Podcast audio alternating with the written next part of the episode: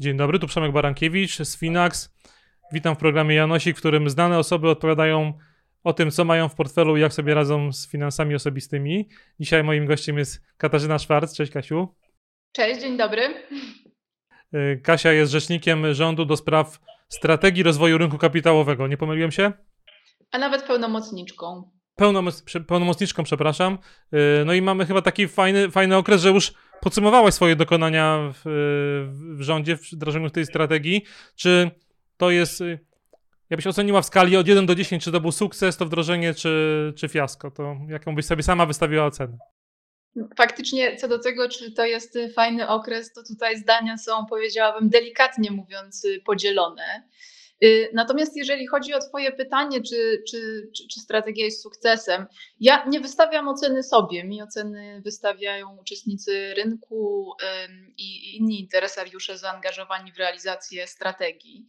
Pytanie co do tego, czy strategia była sukcesem, trochę zależy od tego, jakie sobie wyznaczymy wskaźniki tego sukcesu.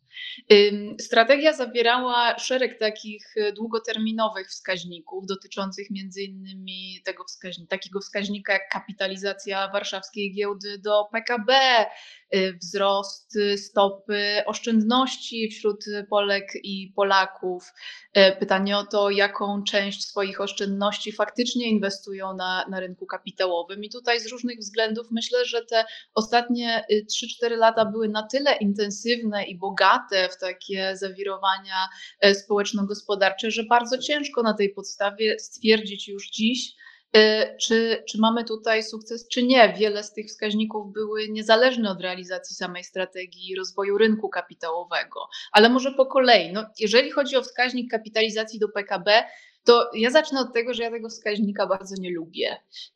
On jest ciekawy po to, żeby się porównać do rynków do nas podobnych, w tym sensie o, do rynków o, o podobnej tradycji kapitalistycznej, jeżeli chodzi o jej długość. Wiadomo, że my tak naprawdę to nasze bogactwo budujemy dopiero od, od 30 lat i giełda warszawska e, od tylu właśnie lat istnieje, także e, ciężko tutaj porównywać się na przykład do Stanów Zjednoczonych, gdzie ta sytuacja jest zupełnie, y, zupełnie inna.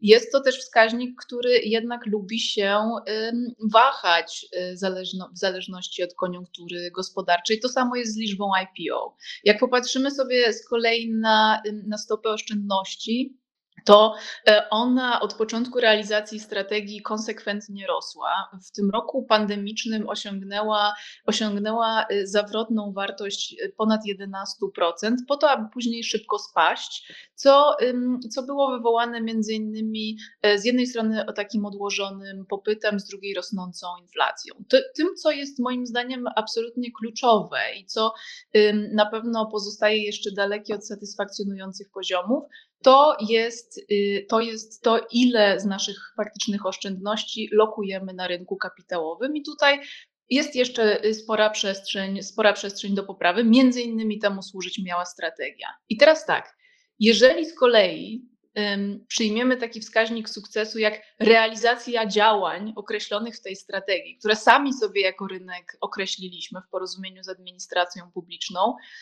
to myślę, że możemy tutaj mówić o pewnym sukcesie. Jednak dobre ponad, ponad 70% tych działań zostało w pełni zrealizowanych. Oczywiście y, jest kilka z nich, które wymagają jeszcze y, dodatkowej pracy, ale myślę, że ten taki nasz wspólny, y, wspólny wysiłek nie poszedł, nie poszedł na marne i naprawdę sporo udało się, y, sporo udało się zrobić. Także mówiąc o sukcesie strategii, ja uważam, że jak najbardziej, aczkolwiek to nie znaczy, że możemy już powiedzieć, nasz rynek kapitałowy jest y, super rozwinięty, mo, można iść dalej i zająć To, się cią, to, to, ciągła praca i w sumie ty też miałaś niełatwo, bo ty jakby weszłaś jakby do tego, do tej układanki, do tej pracy w momencie, jak już po pierwsze strategia istniała, czyli nie miałaś na nią wpływu, dostałaś 90 punktów, które, które musiałaś, musiałaś realizować. Po drugie, też nie byłaś pierwszym rzecznikiem, więc jakby na, na, na pewnym etapie procesu do, do tego weszłaś i moim zdaniem tutaj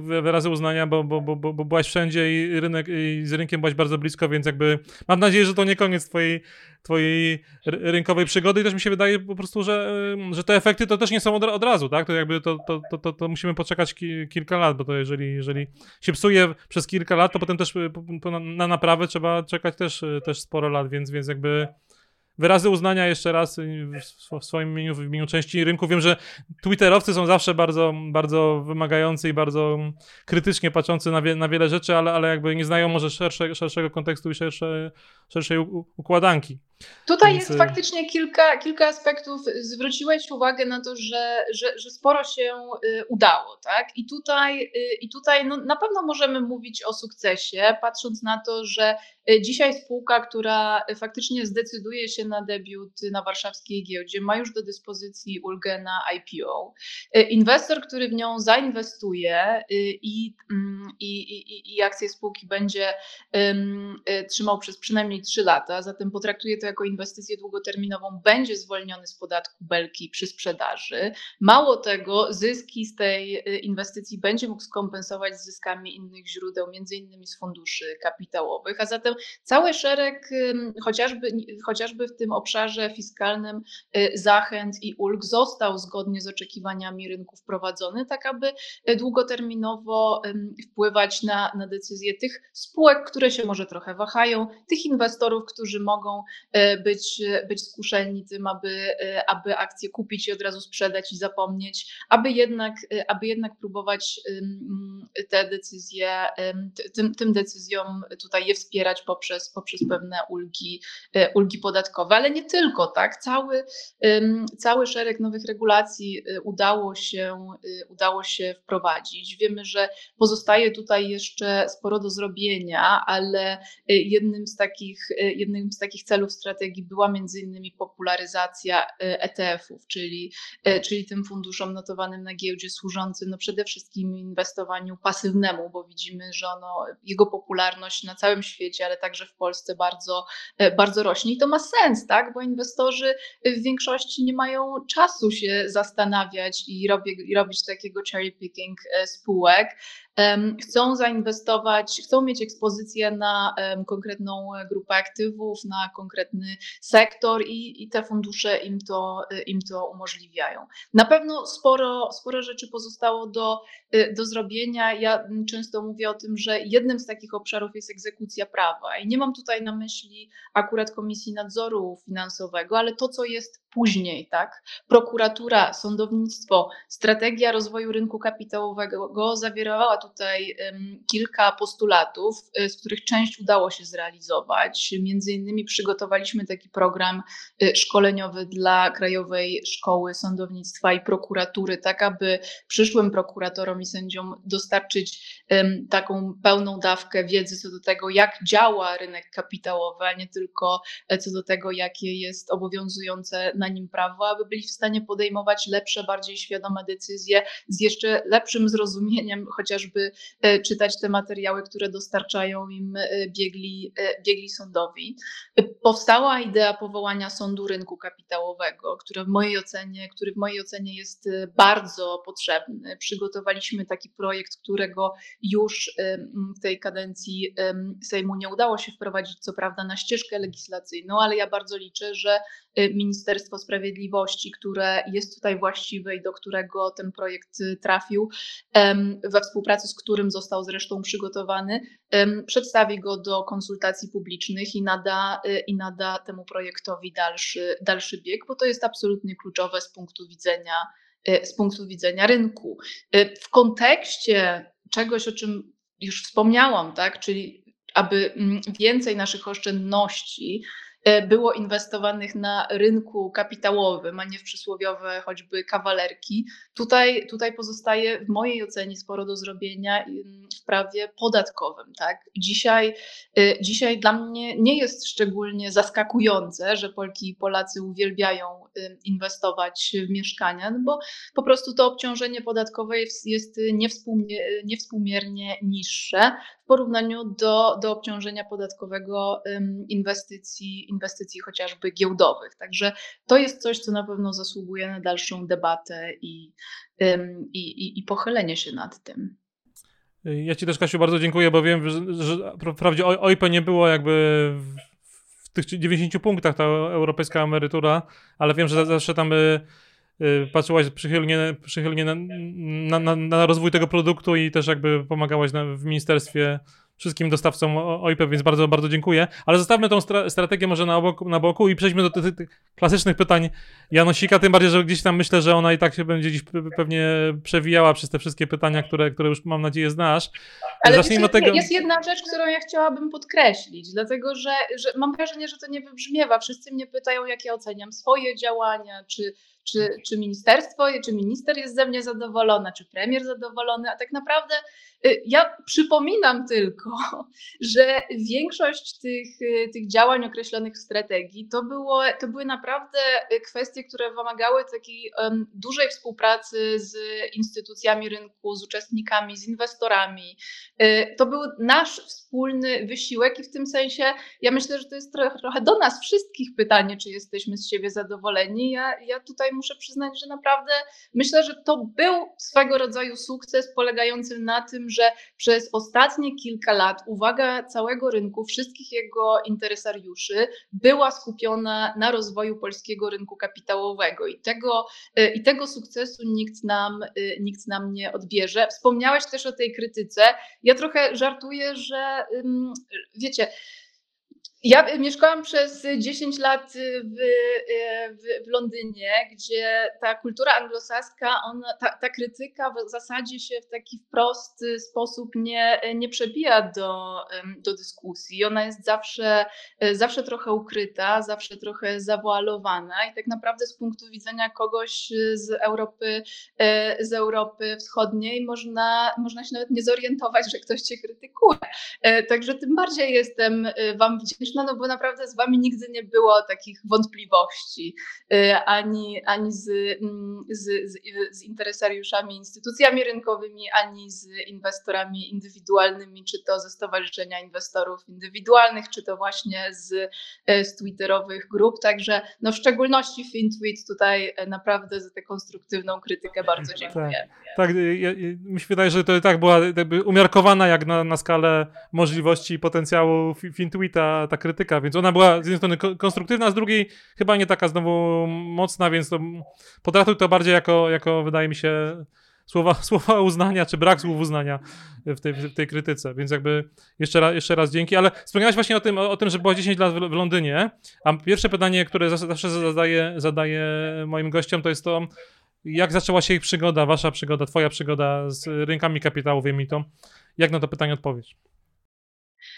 Te 10 lat w Londynie było już trochę konsekwencją tej, tej przygody. Dla mnie tak naprawdę przygoda z rynkiem kapitałowym zaczęła się chyba już od, od kołyski, bo inwestorem giełdowym jest dziadek, inwestorem jest tata krąży nawet taka anegdota w rodzinie, że, że dziadek, kiedy musiał się mną zajmować, gdy byłam jeszcze e, bardzo malutka, czytał mi do snu materiały na radę nadzorczą, bo, e, bo, bo uważał, że to jest fascynująca lektura i, y, i, i musi się nią ze mną podzielić. Y, z kolei no, ta, te, ten temat giełdy w domu zawsze był, y, zawsze był y, obecny. Ja zawsze wspominam, zawsze wspominam mm, ten taki zeszyt, który mój tata ze sobą wszędzie nosił, w którym jeszcze spisywał sobie z telegazety czasem notowania, notowania giełdowe. Miałem taki sam, miałem taki sam. I, i podkreślał takimi kolorowymi flamastrami.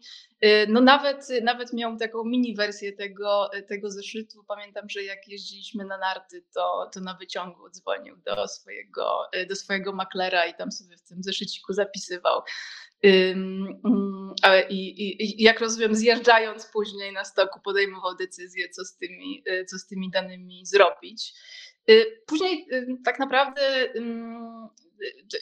także ten, ten temat y, giełdy inwestycji trochę, trochę definiował całe moje, całe moje dzieciństwo i w tym kontekście miałam ogromne szczęście, że, że zawsze byłam bardzo świadoma tego, jak, y, jak, jak ważny jest tak naprawdę podejście do zarządzania swoimi oszczędnościami. Aczkolwiek przyznam, że, że później mm, mm, moje, później tak naprawdę dość wcześnie trafiłam na giełdę i to akurat było, było mm, można powiedzieć tutaj czystym przypadkiem. Ja byłam zawsze taką osobą, której było wszędzie pełno, miałam niespożyte ilości energii, byłam dość ciekawska. Y, I, I, pamiętam, że jak rozpoczęłam studia w Warszawie, to trochę mi to nie wystarczało i pomyślałam, no dobra, no to pójdę do pracy.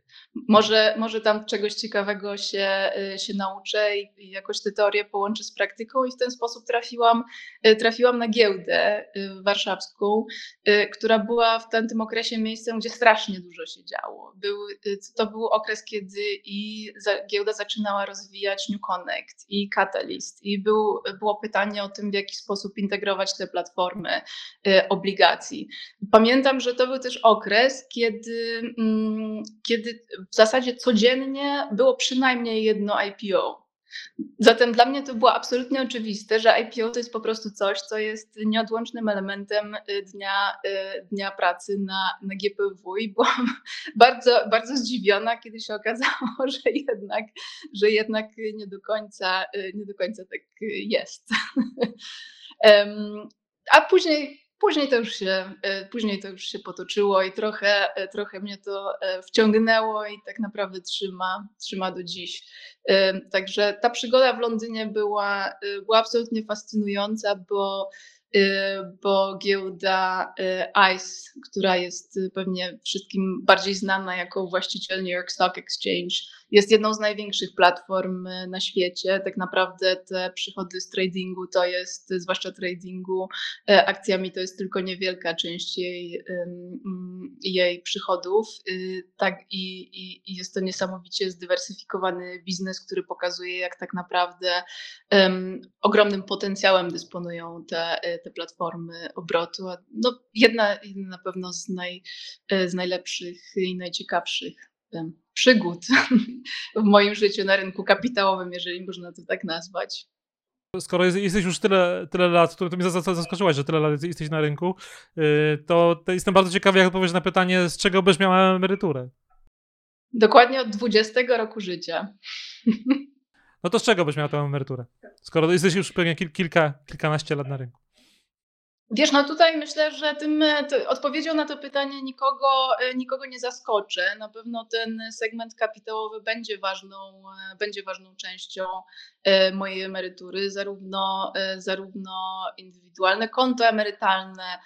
Chyba z tych pierwszych, pierwszych lat na giełdzie zostało mi jeszcze konto w ramach programu PPE. No dzisiaj oczywiście pracownicze plany kapitałowe, które uważam za, za jeden z ważniejszych, e, z ważniejszych elementów rozwoju polskiego rynku e, kapitałowego pod kątem właśnie takiego systemowego zamierz, za, za, e, zamieniania naszych oszczędności na na inwestycje. Ja wiem, że pod kątem tego, pod adresem tego programu pojawia się wiele zastrzeżeń i, i myślę, że one w, w, wielu przypadkach są bardzo uzasadnione. To nie znaczy, że ten y, program nie, nie powinien zostać w niektórych y, aspektach udoskonalony, aczkolwiek jako pewne dokonanie ostatnich y, kilku lat w takiej instytucjonalizacji inwestycji, inwestycji oszczędności Polek i Polaków jest, jest gigantycznym, jest gigantycznym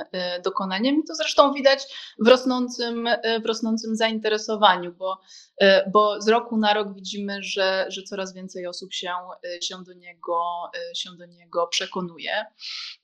Na pewno, na pewno mm, podobny część mojej emerytury będzie wynikała z podobnego programu, w którym uczestniczyłam w, w, w Londynie właśnie, bo tam on funkcjonuje na bardzo podobnych, podobnych zasadach.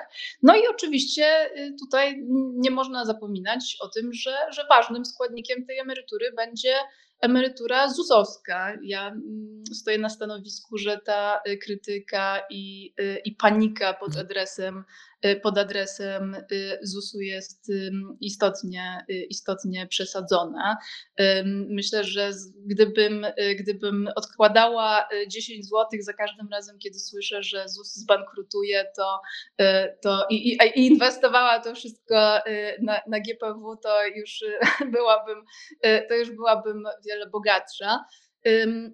Także kilka dni temu świętowaliśmy, y, świętowaliśmy Dzień Pracowników y, ZUS mm, i, i, co prawda nagrywamy, nagrywamy już pięć dni po, ale mm, mimo wszystko wszystkim y, składam serdeczne życzenia. Robicie świetną robotę. Jest to jedna z najbardziej profesjonalnych instytucji na polskim rynku finansowym.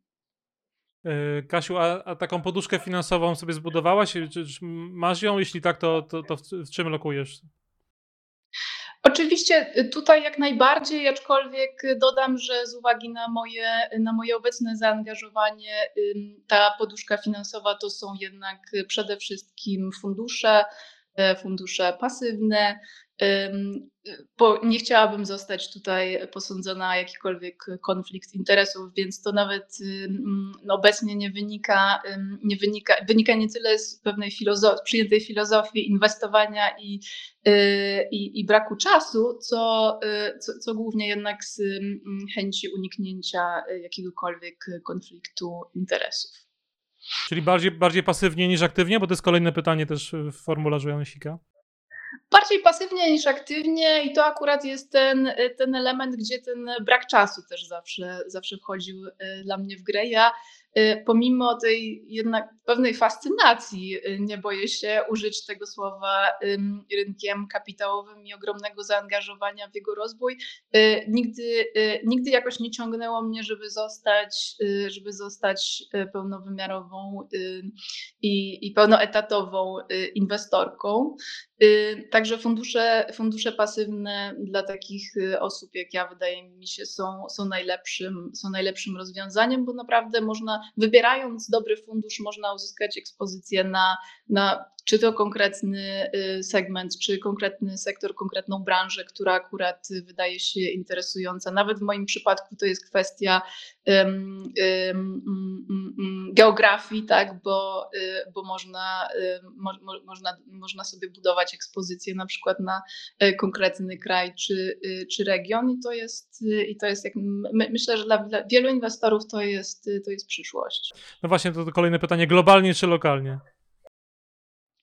Y, I globalnie, i lokalnie, tak? To znaczy tutaj myślę, że myślę, że warto zdać sobie sprawę, że, y, że rynki, y, ryn, ryn, rynki finansowe są już bardzo zglobalizowane i, i bardzo ciężko o nich, o nich myśleć w oderwaniu.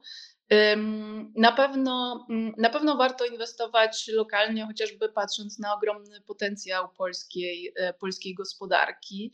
I w tym kontekście takie, takie zarzuty, które często się pojawiają e, wobec właśnie programów pracowniczych, planów kapitałowych, że tutaj e, dość istotny nacisk jest jednak położony na, na inwestycje w Polsce. No, trochę jest tak, że chcemy, chcemy, aby, chcemy, aby nasze oszczędności były inwestowane w taki sposób, aby wspierać y, rozwój polskiej gospodarki już dzisiaj. Jeżeli, y, jeżeli będziemy nasze oszczędności emerytalne inwestować wszystkie za, za granicą, to y, ciężko będzie osiągnąć ten efekt. Także wydaje mi się, że ten argument jest nieco chybiony. Mhm. Teraz pytanie, na które sobie ostrzyłem zęby właśnie w kontekście tego, co, co przez ostatnie lata robiłaś.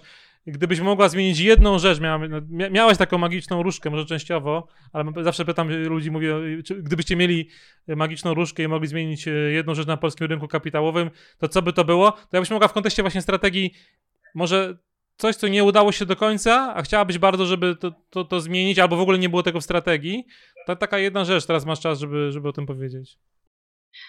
Ja już trochę o tym e, wspominałam. Dla mnie oczywiście tym game changerem jest, jest jednak program e, PPK. Natomiast są dwie rzeczy, które, które w mojej ocenie należy zrobić. Jedna jest, e, powiedziałabym, szybsza I to jest kwestia tej nierównowagi podatkowej pomiędzy inwestycjami na rynku nieruchomości, nieruchomości i, i na rynku kapitałowym.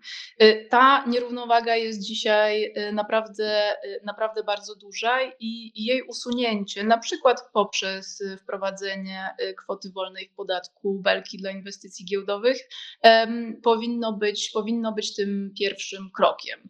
Druga kwestia to jest egzekucja prawa. I tutaj, o ile pewne zmiany można wprowadzić relatywnie szybko, o tyle one powinny się przełożyć w dłuższym terminie na kwestię budowania tego zaufania do rynku. To, mm, I zaufania nie w tym sensie, że na nim nie będzie żadnej y, manipulacji, bo, bo, bo taka zawsze może się, się pojawić i ona się pojawia czy to w Polsce, czy to w Stanach, czy, czy w Londynie i na wielu innych rynkach, ale ale pytanie brzmi, czy mamy efektywny system egzekwowania obowiązującego prawa, tak aby ta, e, te przypadki były szybko wyłapywane, poddawane szybkiej, szybkiej karze i tak, aby ona na przyszłość odstraszała tych potencjalnych przestępców. I w tym kontekście absolutnie y, podjęte w ramach strategii rozwoju rynku kapitałowego działania, po pierwsze na rzecz edukacji sędziów i prokuratorów, po drugie na rzecz powołania sądów, sądu rynku kapitałowego są kluczowe. Y, takim obszarem, który myślę, że w kolejnych latach powinien zostać y, dużo mocniej zaakceptowany, jest kwestia, y, jest kwestia ładu, ładu korporacyjnego i, i, i mocniejszej, mocniejszego egzekwowania zasad ładu korporacyjnego w spółkach, w spółkach publicznych. A popełniłaś jakiś błąd inwestycyjny, z którym chciałabyś się podzielić tutaj ze słuchaczami albo widzami? Nie to, że bardzo chciałabym się nim podzielić, ale powiem tylko tak, uśrednianie w dół. Nie róbcie tego. Albo nie róbcie tego sami w domu. Skonsultujcie się najpierw z lekarzem lub farmaceutą. Zapisuję sobie, że fajny, fajny fragment. Uśrednianie w dół. Tak, tak, znam, znam temat, znam temat. Chyba wszyscy, wszyscy znali, więc nie, nie będzie im obcy. To na, na koniec musimy, musimy y, y, ostatni punkt, który jest, jest moim ulubionym.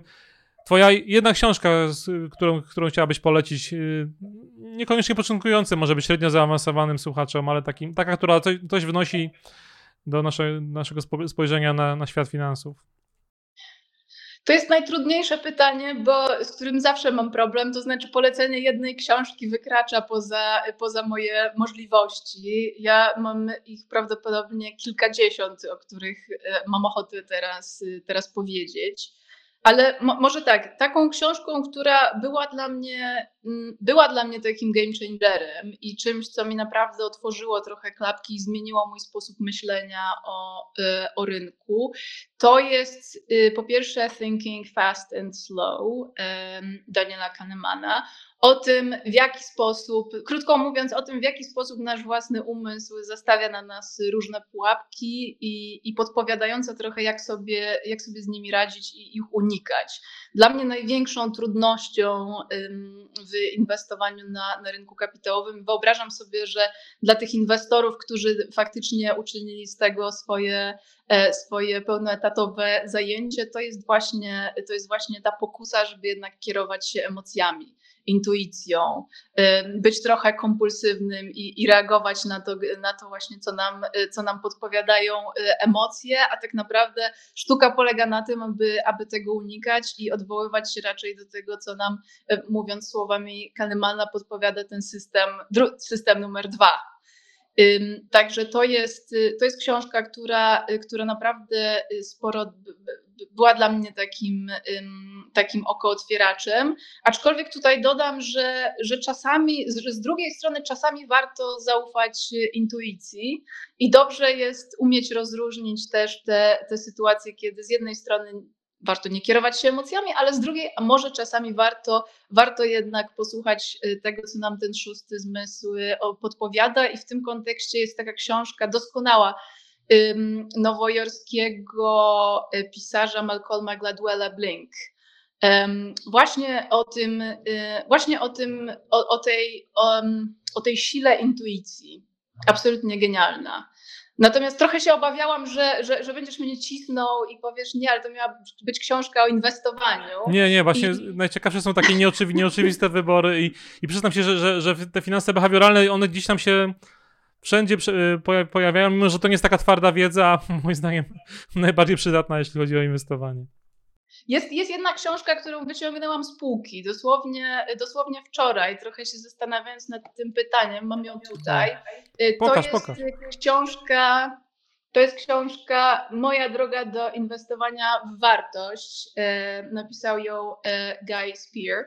I to jest, i to jest y, super ciekawa lektura, trochę cringe'owa w niektórych, y, w niektórych momentach, ale pamiętam, że, że ktoś mi ją polecił i przeczytałam to, co jest napisane z tyłu i sobie pomyślałam, okej, y, długoterminowe inwestowanie, fajnie, bardzo odkrywcze.